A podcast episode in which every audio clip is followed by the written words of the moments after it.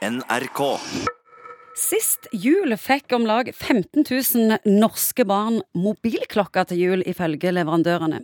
I tillegg har vi apper som Snapchat, Bipperkids, iKey-monitor og Family Link. Og hva kan dette brukes til? Jo, en kan overvåke ungene sine. Psykolog Egon Hagen, er det OK å overvåke ungene sine? Jeg vet ikke, i hvert fall Når det gjelder meg, tror jeg, så får jeg ganske dårlige vibber av dette ordet overvåking. Og det drar liksom assosiasjoner i helt andre retninger enn det jeg liker. Eh, Jeg synes at Når du har skrudd av babycallen for siste gang, så synes jeg at etter det så synes jeg ikke du skal overvåke ungene dine. Men det å følge med på ungene og ha kontakt med ungene og snakke med unger, er noe helt annet. Men ordet overvåking har en sånn en eh, litt sånn sur bismak, synes jeg. Ja, men foreldre får ofte kjeft fra politiet fordi at de ikke følger godt nok med. Ja, men følge med er noe helt annet. og Det å kjenne vennene til ungene, gjerne kjenne foreldrene, vet hvor de er henne, litt sånn forsiktig eh, følge opp om disse ulike historiene om hva som foregår faktisk stemmer. Det tror jeg de fleste foreldre gjør eh, litt automatisk, egentlig. Spesielt når de kommer litt i den der eh, ja, litt mer utsatte tenåringstida. Følger litt med og trykktester de historiene som ungdommene kommer med, for å se om det faktisk stemmer. Men ordet overvåkning, altså det er jo teknologi for dette òg. Du kan kjøpe en blomstervase som tar filmer alt som er i rommet, og, det koster ingenting lenger. Så når teknologien gir oss masse muligheter, så vi må ha det lille ved det, som skal styre det store ved det, for ellers blir det bare tull. Ja, men det er ikke sånn at eh, teknologien har kommet for å bli, og dette med overvåkning, at hvor vi til enhver tid blir ganske naturlig.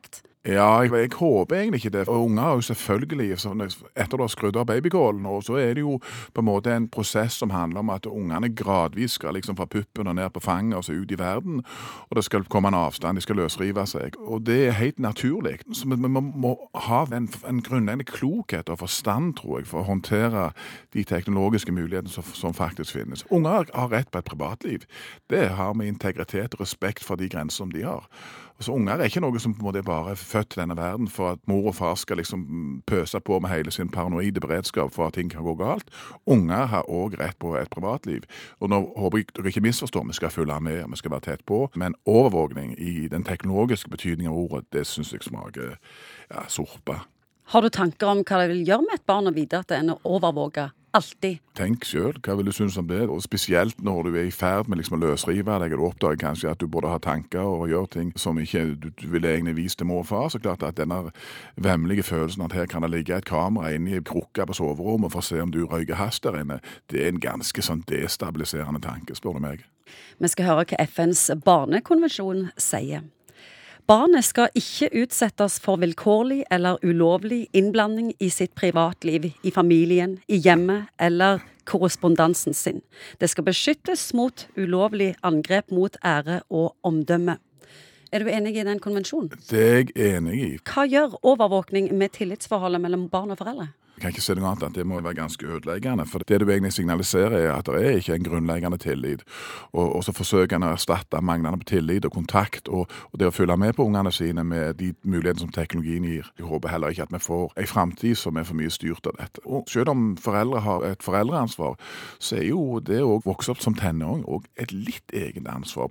Det er denne musikaliteten og rytmefølelsen. Hva er riktig og hva er galt? Og det kan vi ikke liksom legge i bare i fanget til teknologien, syns jeg. Nå blir altså tusenvis av unger overvåka, og de kommer til å bli det i mange, mange år. Får vi en ny generasjon som ikke vil respektere andres integritet. Det er noe med det at du, det er denne transporten av erfaringer. Sant? Og hvis du selv har opplevd at Det er som å lese litt sånn dagbok. altså Det er noen sånne greier der.